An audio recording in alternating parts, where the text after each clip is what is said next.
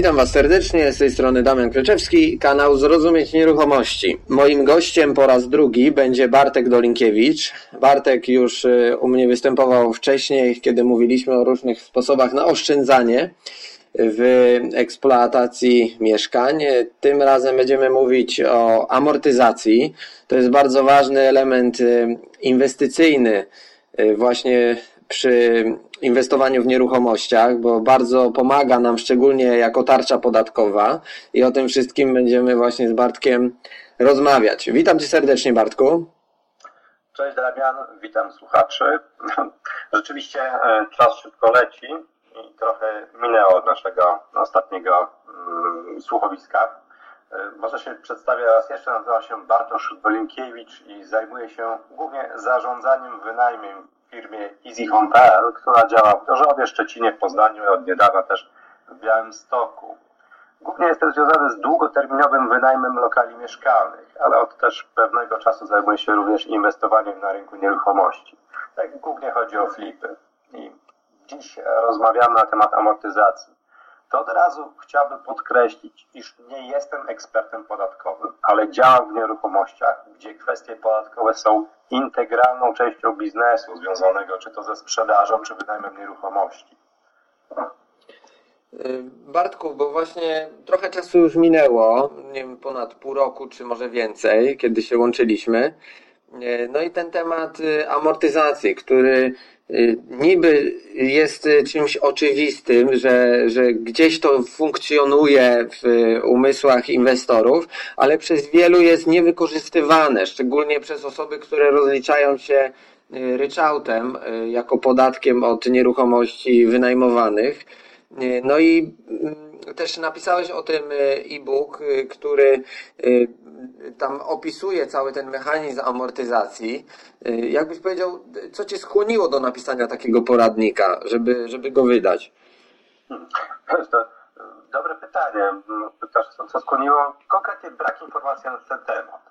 W sumie to nawet studiowałem kiedyś tam kierunek rachunkowość, ale jak, cię coś po prostu niezbyt interesuje, to nie zwracasz na to uwagi. No i tak było też z amortyzacją, przynajmniej w czasie moich studiów. Dopiero kiedy pracowałem w banku, zetknąłem się z tym terminem amortyzacja w praktyce.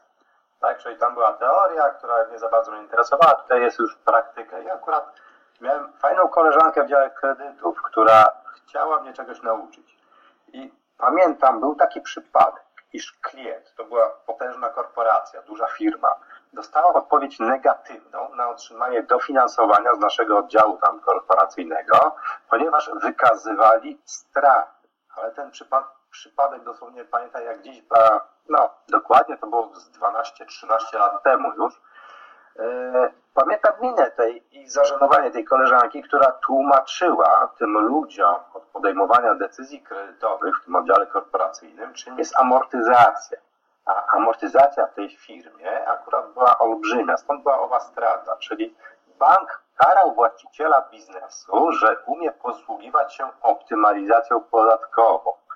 No i to mnie tak trochę za, zastanowiło. W zasadzie no, ja wtedy właśnie z amortyzacją się nie stykałem, ale zastanowiło się, co, co mogę dalej zrobić. I tutaj konkretnie amortyzacji w kontekście mojej działalności, czyli nieruchomości, które wynajmowałem, gdzieś y, około 2012 roku natrafiłem na post opublikowany na pewnym forum na temat nieruchomości Wypowiedź dotyczyła obniżenia podatku dzięki odpisom odsetek od kredytu oraz właśnie amortyzacji nieruchomości.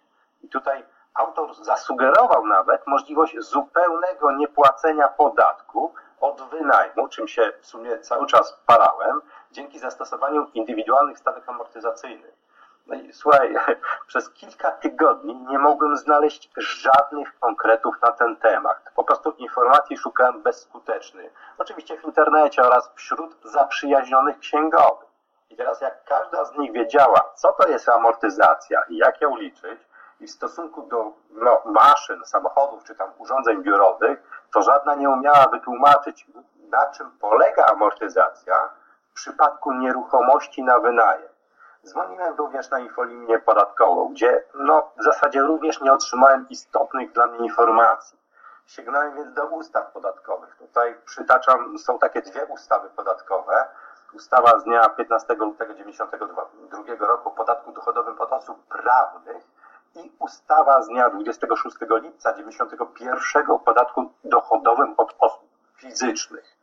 No i teraz analizując powyższe akty prawne, doszedłem do wielu ciekawych przemyśleń, a w zasadzie to jeszcze większej ilości pytań. W zasadzie wiedziałem mniej niż więcej. Po prostu byłem bardziej skołowany. Dlatego też postanowiłem zwrócić się do samego źródła, czyli Izby Skarbowej, o interpretację przepisów podatkowych odnośnie amortyzacji lokalu mieszkalnego, ponieważ takim byłem konkretnie zainteresowany. Teraz poradnik, który napisałem, powstał w dużej mierze na podstawie odpowiedzi, które otrzymałem na moje zapytanie. I teraz, e, słuchaj, jest to taka moja mała uwaga a propos zapytań różnych osób w Urzędzie Skarbowym, głównie urzędników skarbowych. Słuchaj, jeżeli masz konkretne zapytanie, zwróć się na piśmie i żądaj od Urzędu Skarbowego odpowiedzi na piśmie. Ponieważ kilkukrotnie zdarzyło się mi, iż urzędnik przy ladzie dał mi odpowiedź, która wymijała się z prawdą.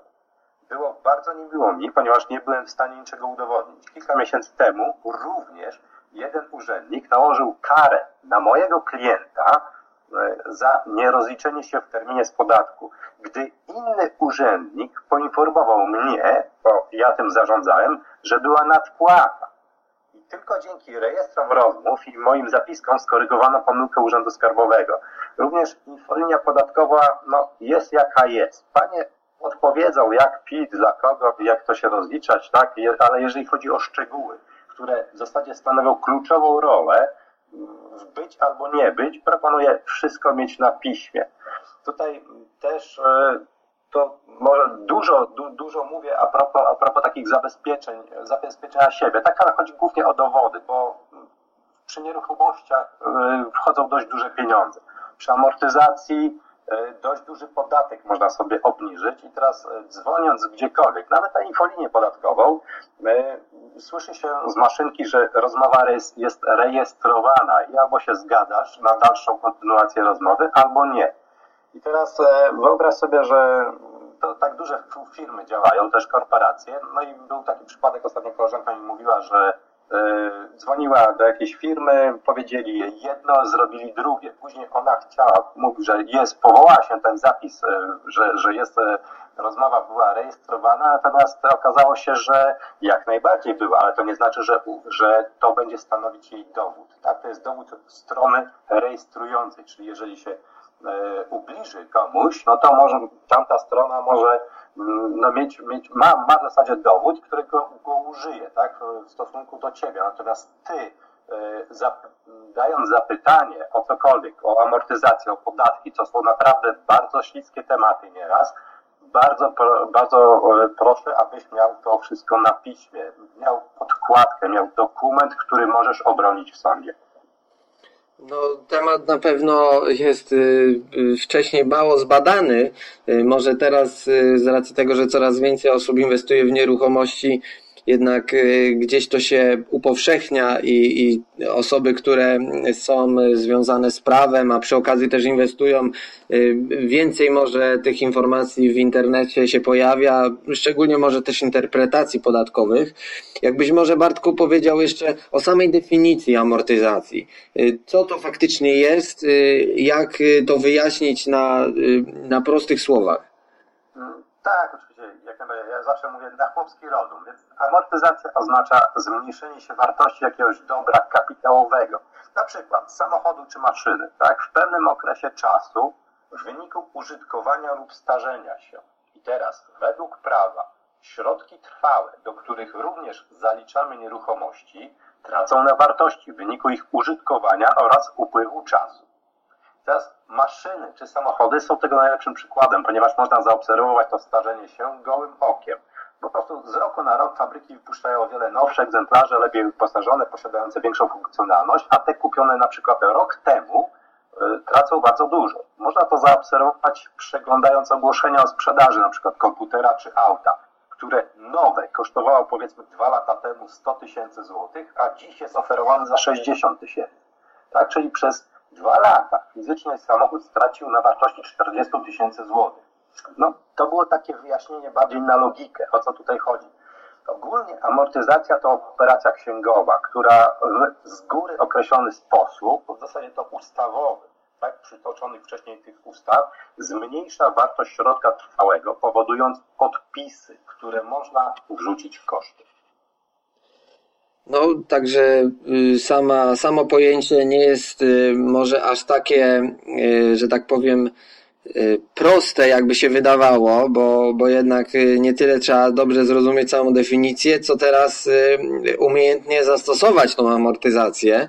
No i to zmierza ku temu, żeby zweryfikować przede wszystkim, jaki stan prawny jest lokalu, to bardziej chodzi o y, typ własności do lokalu, czy, czy mamy tutaj y, pełną własność, czy też spółdzielcze własnościowe prawo do lokalu, bądź też czy kupiliśmy lokal od dewelopera, co też ma, ma znaczenie przy amortyzacji.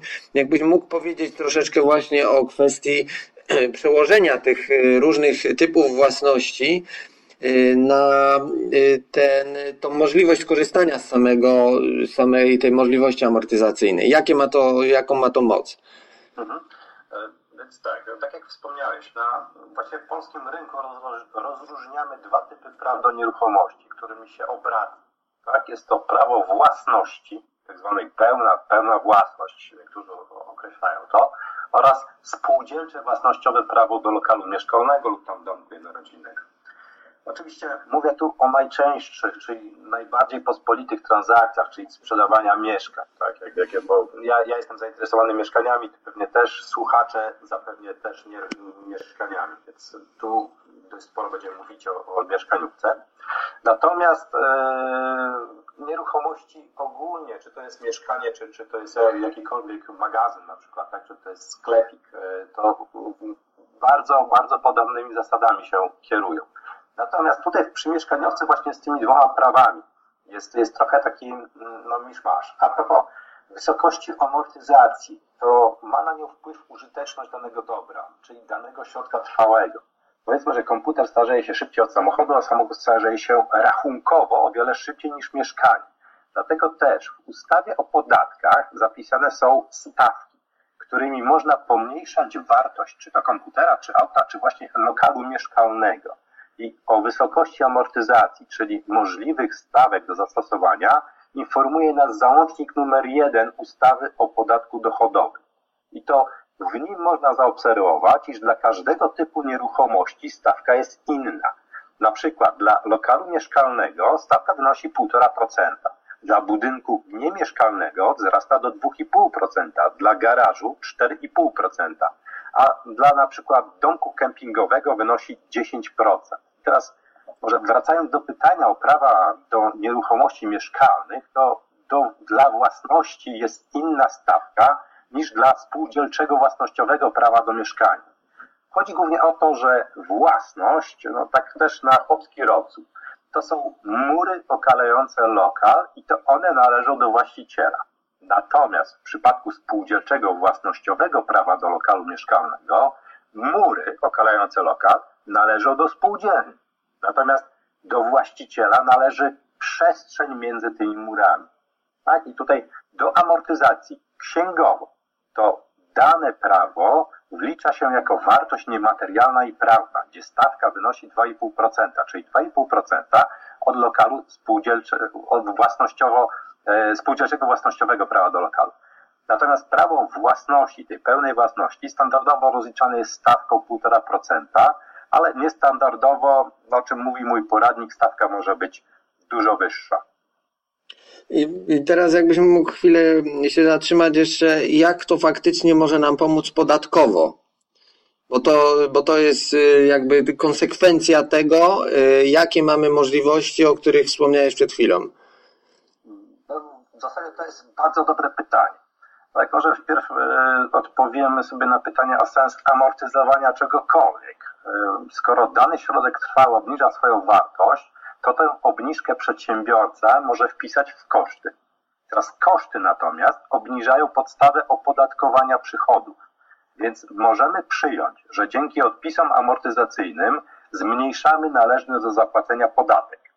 Teraz de facto amortyzacja jest tarczą podatkową, czy no, w zasadzie przeciw uderzeniom podatku, tak, tak to można było patologicznie powiedzieć, e, chroni po prostu nas od podatku. Powiedziałem mm, o przedsiębiorcy, który może wykorzystać te tarcze, czyli odpisy amortyzacyjne na swoją korzyść, ale tak de facto to każdy właściciel mieszkania na wynajem również może je amortyzować, nawet gdy jest osobą fizyczną, pracującą gdzieś tam po prostu na etacie. Oczywiście należy przestrzegać pewnych procedur, tak więc amortyzacja może zostać skutecznie wykorzystana do po prostu optymalizacji podatkowej. No tu pewnie też y, trzeba pamiętać o tym, że no nie możemy amortyzować wszystkiego, co popadnie w związku z mieszkaniem, które się nabywa na inwestycje. Więc jakbyś może powiedział o, czy, o tym, y, czego nie można amortyzować. Tak, jak najbardziej. Tutaj znowuż no, o tym, co, co, co można, co nie można amortyzować, mówi ustawa. Tak wspomniała ustawa, na przykład zgodnie z artykułem 22c ustawy z dnia tam 26 lipca 1991 roku o podatku dochodowym od osób fizycznych amortyzacji nie podlegają grunty i prawa wieczystego użytkowania gruntów. Czyli jak masz pole, to sobie możesz je zasiać i później ciągnikiem zbierać plony. Ziemi nie zamortyzujesz, bo grunty według ustawodawcy, no, powiedzmy, że się nie starzeją, a przynajmniej nie tracą na wartości, aby je można było amortyzować. No ale zawsze ciągnik już możesz amortyzować. Pamiętać należy, że grunty nie podlegają amortyzacji, dlatego dobrym pomysłem zdaje się rozróżnienie już w akcie nabycia, czyli w akcie notarialnym, wartości gruntu i wartości budynku. Bo to później to rozróżnienie może być bardzo pomocne, jeżeli zamierzasz albo będziesz chciał, chciała e, amortyzować swoją nieruchomość.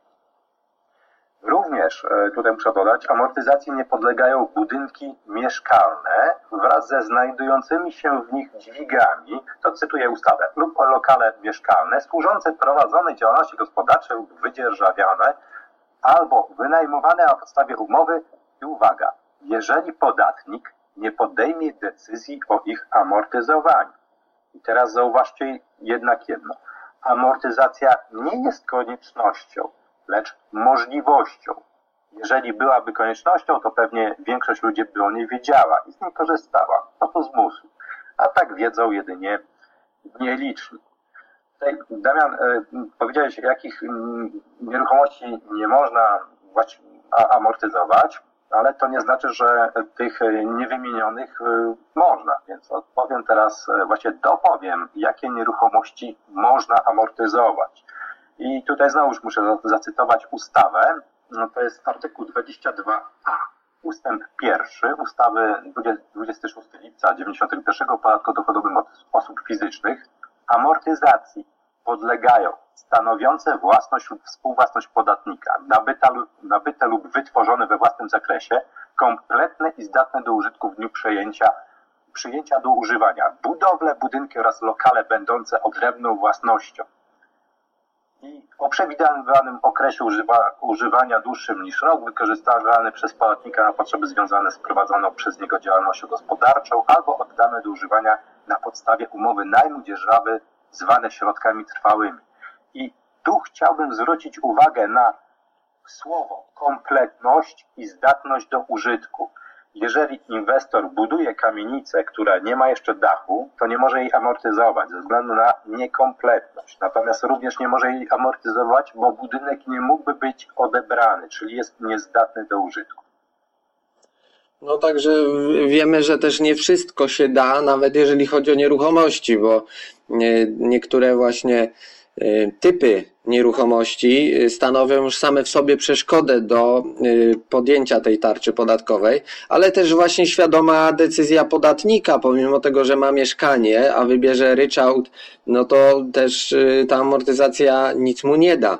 Natomiast tu mi się takie coś nasuwa, że no szczególnie trzeba zwrócić uwagę, kiedy na przykład w pierwszym roku podatkowym, y, kiedy mamy nabycie tego lokalu y, na cele najmu, powiedzmy długoterminowego, rozpoczniemy amortyzację i wybraliśmy jako formę rozliczenia podatkowego skalę 1832, to jeżeli w następnym roku podatkowym zdecydujemy się na przejście na ryczałt y, podatkiem 8,5%, no to y, ten bieg amortyzacji cały czas jest w toku i tracimy de facto rok lub więcej do momentu, aż nie przejdziemy z powrotem na rozliczenie według y, skali czy też liniówki.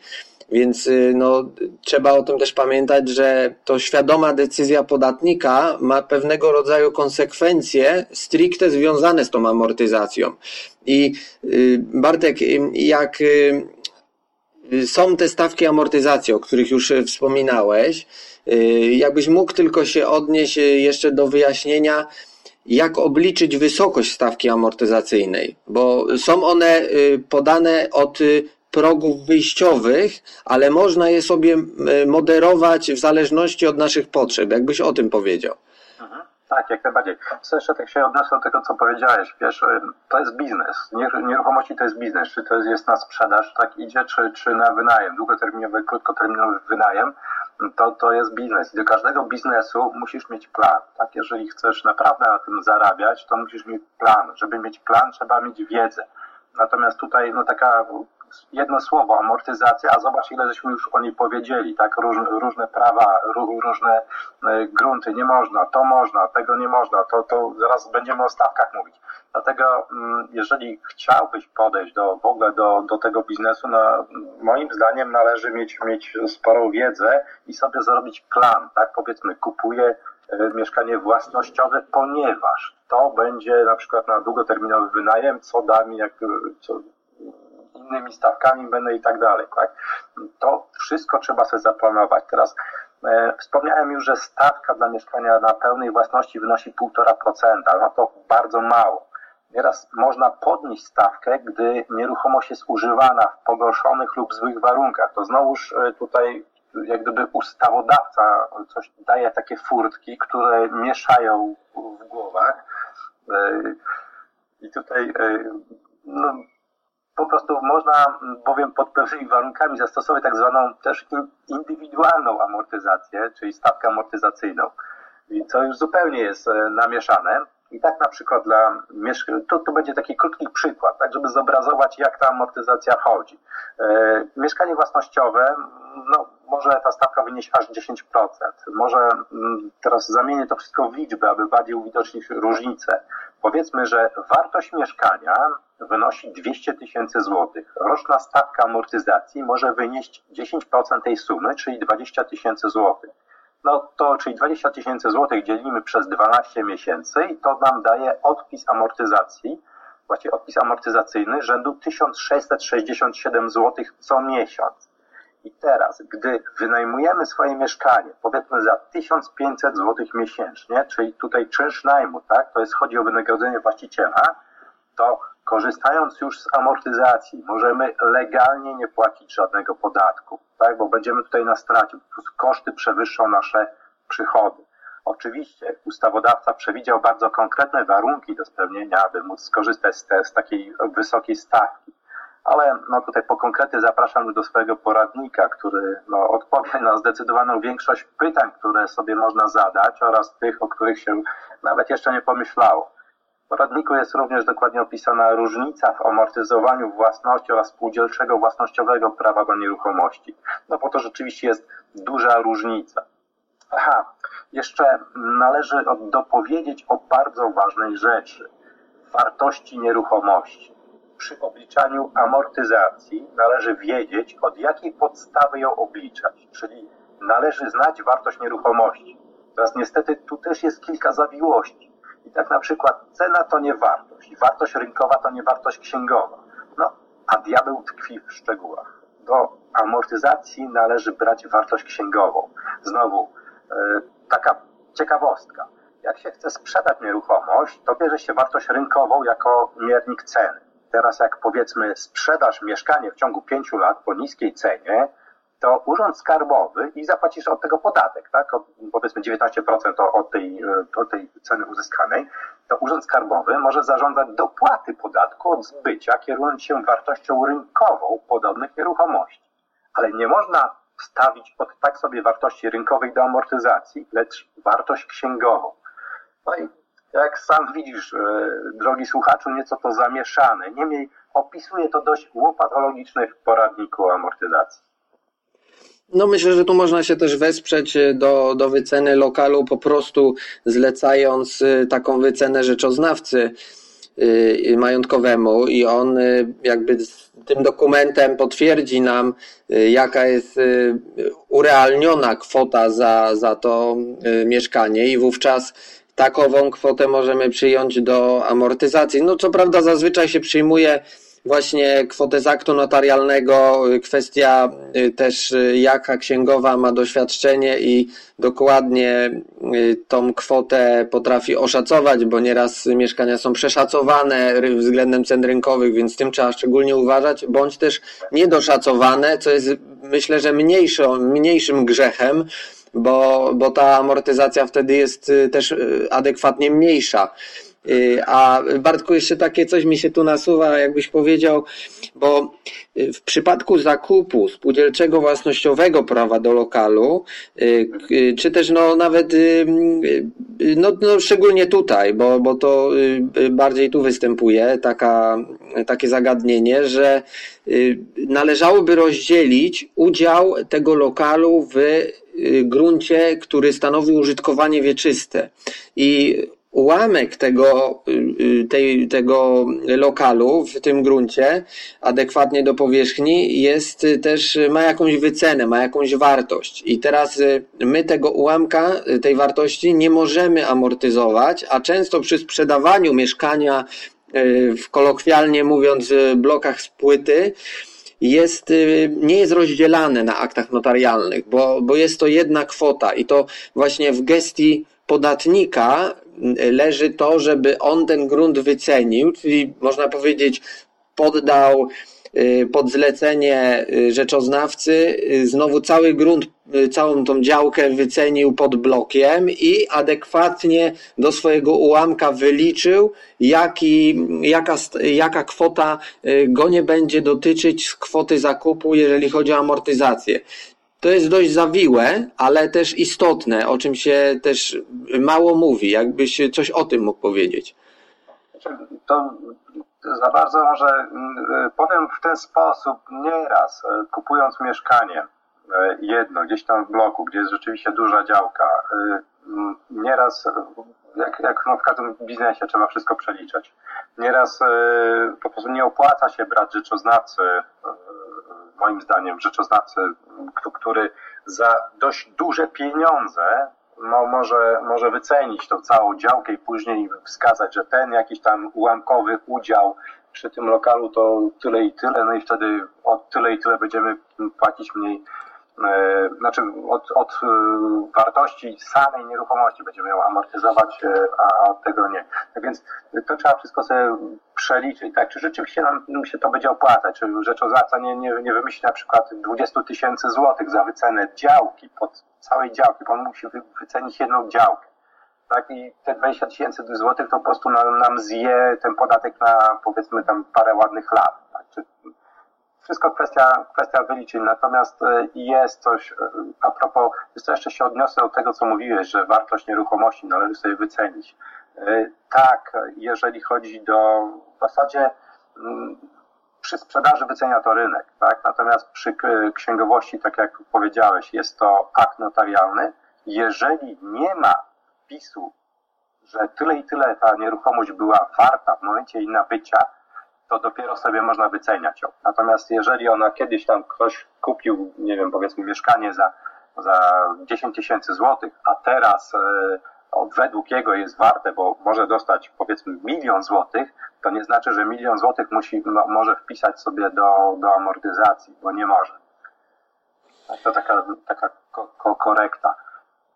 Bo według jeszcze mojej wiedzy jest coś takiego, że w momencie, kiedy zliczamy te wszystkie składniki mające dać nam tą y, finalną wartość amortyzacyjną y, w skali całego jednego roku, powiedzmy, adekwatnie też do, do procentu, jaki sobie w tej amortyzacji przyjmiemy i tego prawa do lokalu, jakie posiadamy, to tutaj y, wśród tych składników nie tylko będzie y, sama cena nabycia lokalu, czy taksa notarialna, podatki z tym związane, czy też usługa pośrednika nieruchomości, także wypisy od tych aktów, za które też strona kupująca płaci.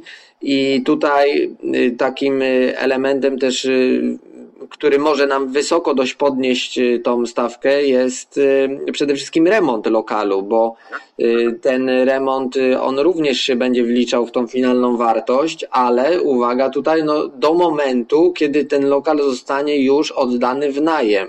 Więc no mamy, że tak powiem, jeszcze jakiś czas, żeby kupując lokal tanio, co z założenia inwestycyjnego powinno mieć miejsce zawsze bądź prawie zawsze, Y, to y, żeby ta stawka znowu nie była tak niska ze względu na niską cenę nabycia, no musimy ją czymś y, podwindować, więc tym elementem jest jedynie remont i też wyposażenie lokalu. Do, dokładnie tak jak mówisz. Wiesz co, to też ma fajne przełożenie kupując nowy lokal, bo znowuż ustawa o, w zasadzie na, na, narzucając pewne warunki do możliwości amortyzacji, narzuca właśnie te warunki od różnych lokali, od różnych praw, ale też od wieku, tak? Wieku od używania. Na przykład jeżeli kupując e, od dewelopera nowy lokal, no niestety nie możemy wywindować większej, e, większej stawki niż, niż tam ustawa przewiduje, czyli te 1,5%.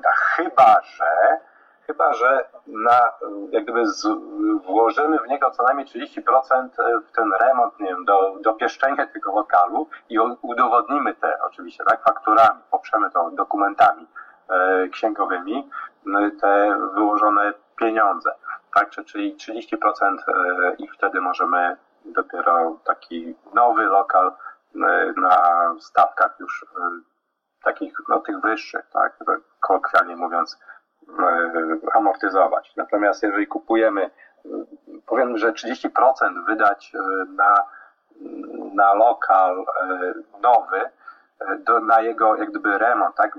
Powiedzmy, no nie wiem, kupujemy za 200 tysięcy lokal, czyli tutaj było 60 tysięcy minimum, trzeba by było w niego wrzucić, to, to jest dość sporo. To jest, to dość sporo. I może się okazać, że to jest granie warta świeczki, warto przejść na, ryczałt. Dlatego e, za każdym razem obliczajcie, co jest Wam e, bardziej opłacalne, tak? Czyli rzeczywiście amortyzacja uchroni Was przed tym podatkiem i teraz, ale co trzeba zrobić, tak? Ile trzeba zainwestować, czy doinwestować w daną nieruchomość, żeby uzyskać tą lepszą stawkę amortyzacyjną, bądź, e, no, być może, że będzie tak, że jednak ten ryczałt, tak, 8,5% jak gdyby załatwi Wam sprawę E, po prostu będziecie lepiej zoptymalizowani podatkowo, bo to nie oznacza, że amortyzacja musi być zawsze tą najlepszą, e, najlepszą, e, najlepszym czymś, co, co możecie zrobić przy optymalizacji podatku. Tu jeszcze może tylko nawiążę do tego, co mówisz odnośnie tej opcji, która bym powiedział, kij ma dwa końce, y, żeby zainwestować 30% y, ceny nabycia, żeby wejść w te wyższe stawki, to trzeba pamiętać, że jeżeli takie mieszkanie wtedy byśmy robili na flipa, no to wejdziemy w VAT. Więc yy, przekraczając tą barierę, musimy zdawać sobie sprawę z celu inwestycyjnego, bo jeżeli chcemy je sobie zatrzymać na najem, ma to uzasadnienie. Natomiast jeżeli chcemy tym obrócić, to dojdzie VAT i może nam ten VAT zjeść cały zysk który na tym lokalu mógłby być osiągnięty, bądź jego dużą część, więc no, trzeba mieć e, też takie rzeczy na względzie. A e, powiedz, e, czy, czy zawsze warto skorzystać z amortyzacji? Bo to też często pytanie pada w kontekście tego, czy to jest nie tyle skuteczne narzędzie, co y, pytanie o jego, o jego wartość. Y, niektórzy podważają jakby sens, bo myślą, że ryczałt jest najprostszy, jakby tutaj się nie chcą wiązać w skomplikowaną matematykę. Natomiast y, to, że warto korzystać, też ma pewne argumenty. Jakbyś mógł o nich powiedzieć?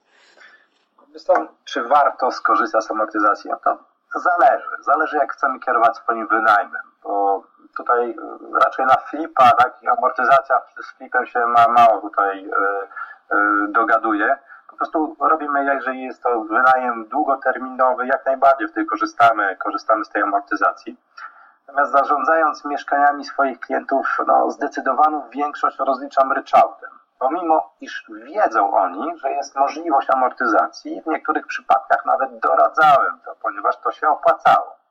No i tu jest chyba sens odpowiedzi na pytanie, czy warto korzystać z amortyzacji. No, zależy, czy się tobie to opłaca ekonomicznie i no, czy masz na to chęć, tak, ochotę, ponieważ przejście z prostego ryczałtu na zasady ogólne, no może być kłopotliwe dla niektórych właścicieli. Tutaj taki podam przykład ostatniego lokalu, który dostałem zarządzaniem. Właściciel e, odziedziczył ten lokal po, po ojcu. No i teraz spotkaliśmy się, no nie mieszka w Gorzowie, jestem z Gorzowa, nie mieszka w Gorzowie, mieszka e, poza terytorium Polski. Nie chce sprzedawać tego lokalu, bo by musiał zapłacić 19% podatku, jeżeli sprzeda e, w ciągu pięciu lat. I doszedł do wniosku, no lokal jest naprawdę fajny, ładne mieszkanko, mieszkanko dwupokojowe, idealne pod wynajem. Pierwsze piętro, no świetne fajnie zrobione, już wszystko, wszystko jest, nie trzeba żadnego remontu było robić, przynajmniej większego. No i rozmawiamy i pytam go, czy jak, czy ja się, ja się pytam swojego klienta, czy w ogóle chce się rozliczać, no bo to już nie moja sprawa, czy chce się rozliczać z podatku, aczkolwiek sugeruję, tak jest, bo zawsze jakiś sąsiad dobry doniesie uprzejmie do Urzędu Skarbowego. Natomiast e, tak chce się rozliczać jak najbardziej, natomiast zapytałem się, jak chce się rozliczać, czy ryczałtem, ponieważ moje usługi to już, w, znaczy ja to już mam w swoich usługach, że rozliczam, mogę rozliczać e, ryczałtem, później wystawić PIT 28 tak na koniec roku. Natomiast tutaj doradzałem temu klientowi, aby e, zapoznał się z, z możliwością rozliczania tego mieszkania właśnie na skali podatkowej, czyli tam 18-36% i dorzucił do tego amortyzację, bo była taka możliwość. Powiedziałem, że tu legalnie wyliczyłem tak na szybko przy nim, że legalnie mo można nie płacić tego, e, tego podatku od, od, od uzyskanego czynszu najmu. No, klient e, tak skołował, znaczy no, był skołowany, no, nie, nie, jest, nie, jest, nie jest, e, jest podatnikiem, natomiast nie jest ekspertem od podatków. Mówi, że się zastanowił, że zadzwoni do jakiejś tam koleżanki księgowej. No to się, że zadzwoni do księgowej, no i co mu poradziła, no to to, że no jak chce, że lepiej ryczałt. E, więc ja ponowi, ponowiłem, dlaczego ryczałt? Proszę pana, pan, pan w ogóle nie będzie płacił żadnego podatku. Powiedzmy tam jest 1000 zł, no to 85 zł co miesiąc idzie do urzędu skarbowego, a co miesiąc może zostać w jego kieszeni. Mówię mu, no może to nie są jakieś duże pieniądze, ale zawsze, tak? To jest 800 powiedzmy 50 zł w ciągu 10 miesięcy. No to za 850 zł to no co, coś tam można sobie e, fajnego już kupić. A tak to po prostu odda, oddajemy ten, e, ten podatek. No klient już raz, raz jeszcze zapytał się jednej księgowej, drugiej księgowej, no i w sumie te księgowe poradziły mu, coś tam otworzyły pewnie ustawę o, o podatkach i, i w ustawie jest taki zapis, jeżeli nie wiesz, jaką wartość przyjąć, jakie co, no to zawsze możesz to zrobić e, kwotą. I tam jest kwota bodajże 988 zł za metr kwadratowy. Więc jak sobie to pomnożył przez te 40 metrów kwadratowych, no to wyszła mu śmieszna kwota e, tego mieszkania. No i tutaj da, dał sobie spokój z tym wszystkim. Aczkolwiek e, no ja nalegałem, natomiast no tutaj nie będę jak gdyby, e, no to jest klienta decyzja, tak więc czy warto, czy nie, no on po prostu e, mówi, że być może się na tym zastanowi, natomiast nie, nie chciało mu się w te skomplikowane rzeczy wchodzić, tak? Natomiast Mo, moim zdaniem, jeżeli inwestujesz, e, warto, warto wejść w te, w te skomplikowane rzeczy, poznać je, bo naprawdę to wszystko, co jest trudne, później wydaje się łatwe myślę, że można naprawdę dużo zaoszczędzić. Po prostu wie, wiedza, e, na wiedzy można zaoszczędzić bardzo dużo pieniędzy później, po prostu nie wydając je dla Urzędu Skarbowego.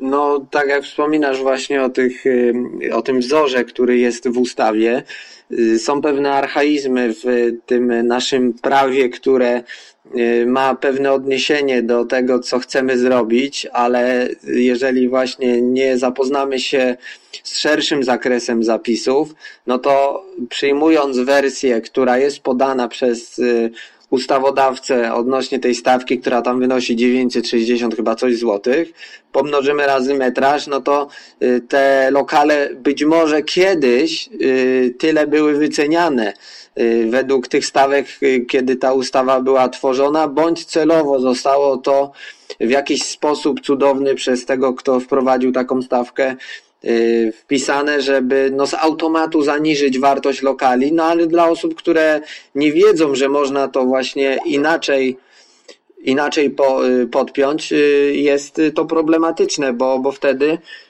bo wtedy nie mamy tego odniesienia, że stawka może być bardziej korzystna przede wszystkim. Bartku, a powiedz jeszcze, co zrobić, kiedy amortyzacja się zakończy, bo ten wybór, który jest związany ze stawką, czy to 1,5%, czy do 10%, on jest ograniczony czasowo. I w związku z tym y, ten limit czasu kiedyś się skończy, a dalej jesteśmy właścicielami. Wówczas tracimy tą tarczę podatkową, a na przykład nasza nieruchomość po y, tych y, nastu latach może się okazać, że znacznie cenowo wzrosła i ta amortyzacja byłaby tym bardziej potrzebna. Jak y, tutaj sobie z tym poradzić? Ja tutaj w sumie mam takie krótkie, krótkie odpowiedzi. No można albo sprzedać, albo ją nadal wynajmować, albo zacząć y, amortyzować, albo znaczy, no tutaj a propos zaczęcia amortyzowania, to można to zrobić pewien e, opisany w poradniku trik, ale to już nie będę dalej tego rozwijał temat.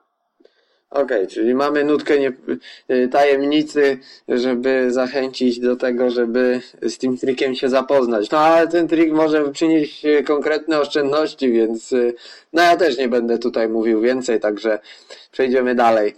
Y, a powiedz, w związku z tym, że ten proces może się wydawać skomplikowany dla osób, które wchodzą w nieruchomości bądź mają jedno, dwa mieszkania, to czy lepiej to mimo wszystko robić samemu i nauczyć się tego, żeby nawet y, mieć świadomość większą, jak y, poszczególne etapy wyglądają y, tej amortyzacji, czy nie zajmować się i zaoszczędzić czas, licząc, że księgowa nam to wszystko ładnie ogarnie. A chciałem tu też nawiązać do tego, że tak jak wspominałeś kilka razy wcześniej, odnośnie tego, że księgowe często nie mają pojęcia, jak amortyzować, bądź co można amortyzować, jeżeli dajemy księgowej różne faktury.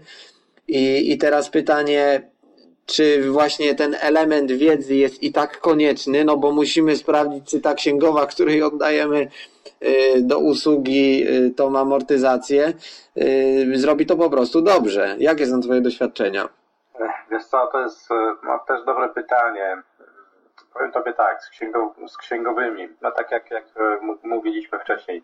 Znaczy, ogólnie powiem, zacznę może od tego, że mm, każdy powinien sobie odpowiedzieć indywidualnie, tak? Bo księgowa weźmie jakieś pieniądze e, za to na 100%.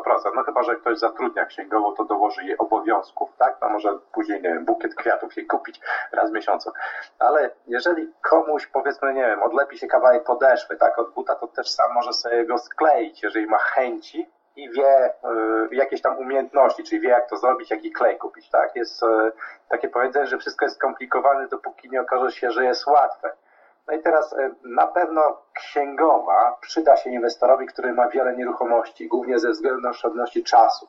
Ale też, jeżeli ktoś chce naprawdę zaoszczędzić, zaoszczędzić na, na podatku od, od, od kosztów, e, od waszej, od przychodu, tak, od czynszu najmu, no to jak najbardziej. Ja bym, ja bym poleciał, bardziej polecił e, jednorazowy kontakt z ekspertem podatkowym, tak, żeby mu wytłumaczył, co, co należy zrobić, ponieważ amortyzacja to jest ciąg, e, to, to nie jest coś, co, co trzeba nad tym długo myśleć, to raz, raz trzeba zaczerpnąć wiedzy i wtedy to robić liniowo, tak, to amortyzacja nieruchomości jest liniowa, czyli powtarzalność, tak, co miesiąc powtarzasz pewne czynności, no i to w zasadzie samemu to możesz robić, jeżeli oczywiście nie, masz na to czas i chęci, jak wspomniałem. Tak? Jeżeli nie masz czasu ani chęci, ani e, chcesz swój czas przeznaczyć powiedzmy na szukanie inwestycji, e, czy okazji inwestycyjnych, to proponuję e, oddać to w ręce księgowej. Teraz kwestia ze zweryfikowaniem księgowej.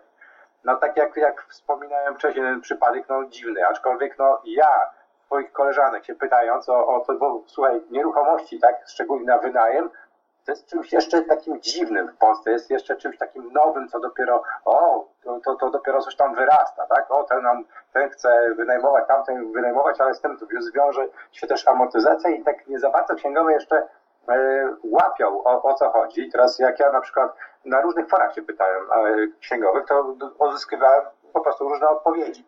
Więc jak zweryfikować? No nie wiem, no znowuż e, na, na pewno tak, że trzeba posiąść tą wiedzę. Ja proponuję to rzeczywiście ten poradnik, tak? Albo kupić jej swoje, swoje księgowe i dać, jeżeli się samemu nie chce.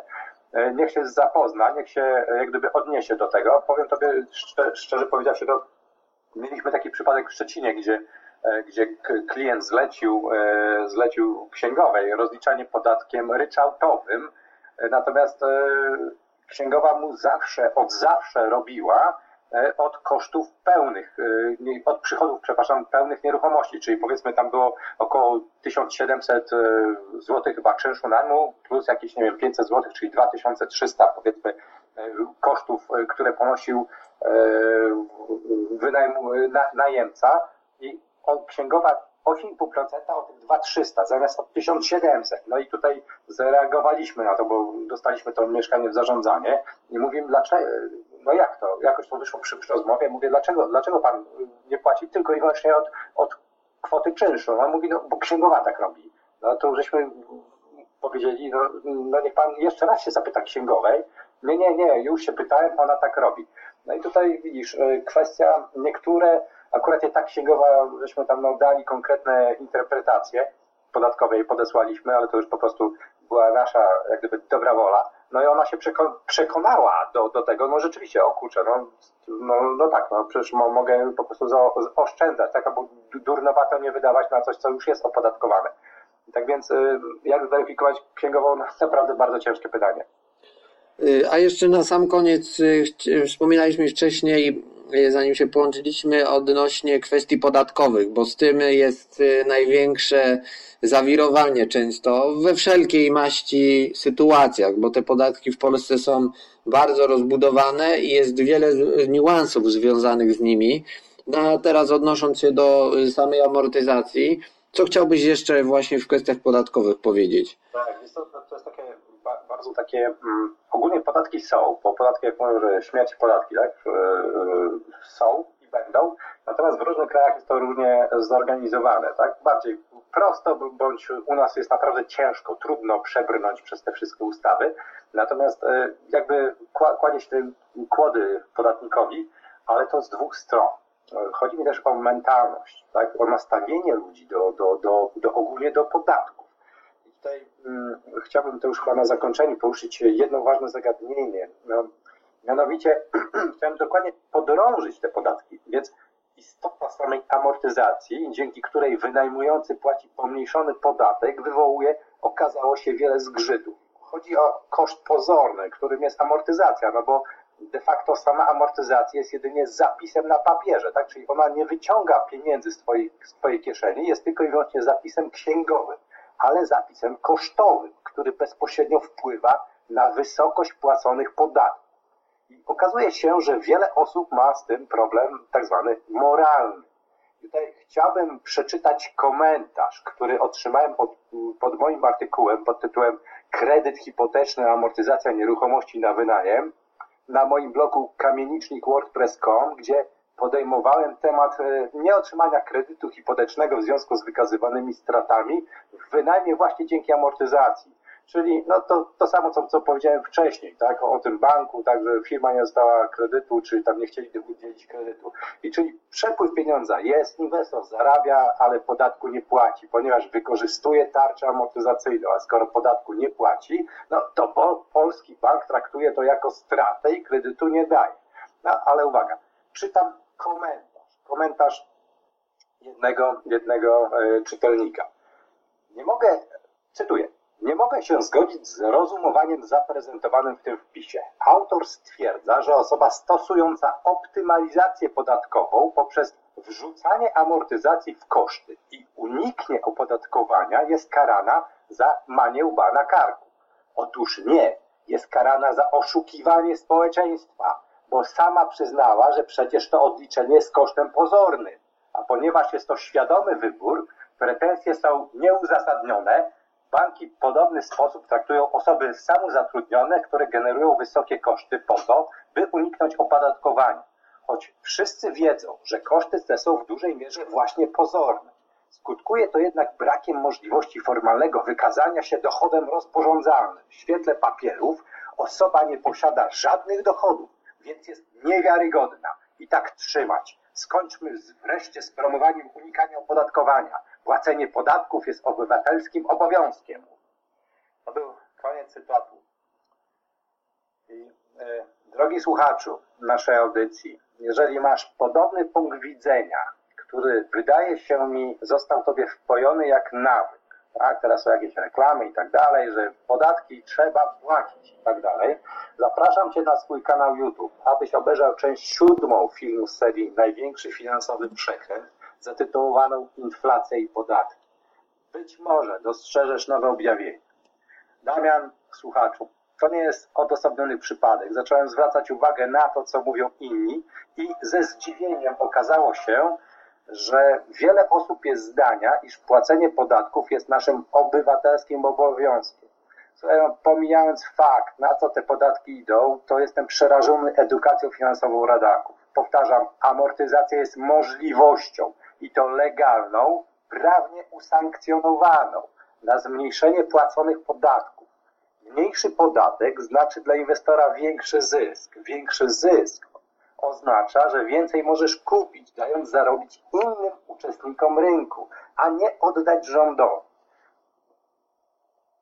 No i tak w zasadzie to tak mogę z, z, no, zakończyć to tym, tymi słowami, że amortyzacja jak najbardziej. Ja jestem za tym, jestem, czuję się inwestorem, czuję się biznesmenem, e, więc jestem za amortyzacją. Są ludzie, którzy myślą e, inaczej, natomiast e, róbmy swoje, tak? Ja robię swoje, niech oni robią swoje. Jeżeli chcą oddawać podatek, od, nie wiem, opodatkowany 10 razy jakiejś kwoty, niech oddają, tak? Ja będę robił swoje i to będę robił legalnie. To jest bardzo ważne. Ja robię to legalnie, czyli mam możliwość legalnego uniknięcia podatku. To jest niesamowite. Ja się Bartek pod tym podpisuję, tak jak e, to fajnie ująłeś w tym ostatnim wątku, że skoro jest to możliwość, która jest e, podana na tacy, z którą możesz się zapoznać, no to tylko od ciebie zależy, czy skosztujesz z tego, czy kulturalnie odmówisz, bo nie wypada. Tak? To, to czasami tak jest na jakichś wybitnych bankietach, gdzie ktoś podejdzie z szampanem, ale ty go nie weźmiesz, bo nie zasługujesz. I to jest takie, taka mentalność y, czasami y, osób, które właśnie no, są podporządkowane pod system, a nie chcą z niego wyjść. A y, już na sam koniec, Bartku, jakbyś wspomniał, gdzie osoby zainteresowane tymi treściami, z którymi się dzielisz, mogą poszukać jakichś informacji, czy też o szkoleniach, które od czasu do czasu prowadzisz. Y, nakieruj osoby, które nas słuchają, y, gdzie mogą y, jeszcze sobie zerknąć i będziemy kończyć. Oczywiście, poradnik amortyzacji można nabyć na stronie nieruchomości myślnik szkolenia.pl, oczywiście bez polskich liter. A ogólnie zapraszam na Facebooka, na swoją stronę firmową Easy Home, e, czyli facebook.com slash ezhome.pl pisane razem, gdzie w zasadzie lądują artykuły na temat inwestowania w nieruchomości, wynajmu ze wszystkich moich blogów. Oraz no, też zamieszkam różne ciekawe, ciekawe wiadomości z sieci, jeżeli, jeżeli takowe znajdę, tak więc tam to jest taka jak gdyby źródło, źródło do, do wiedzy. Tutaj może dodam, że właśnie Bartek y, fajnie pokazuje y, na filmikach z YouTube'a to, co działa, co nie działa, albo jak działa, y, gdzie możecie sobie zobaczyć właśnie, unaocznić pewne rzeczy, które w najmie występują, czy w inwestowaniu, więc jest to o tyle bardziej praktyczny przykład, że uzmysławia funkcjonalność niektórych elementów. To ja Wam bardzo dziękuję za poświęcony czas na odsłuchanie audycji. Tobie Bartku również za podzielenie się wiedzą po raz kolejny. No a z Wami się żegnam i do następnego. Pozdrawiam Was, trzymajcie się, cześć.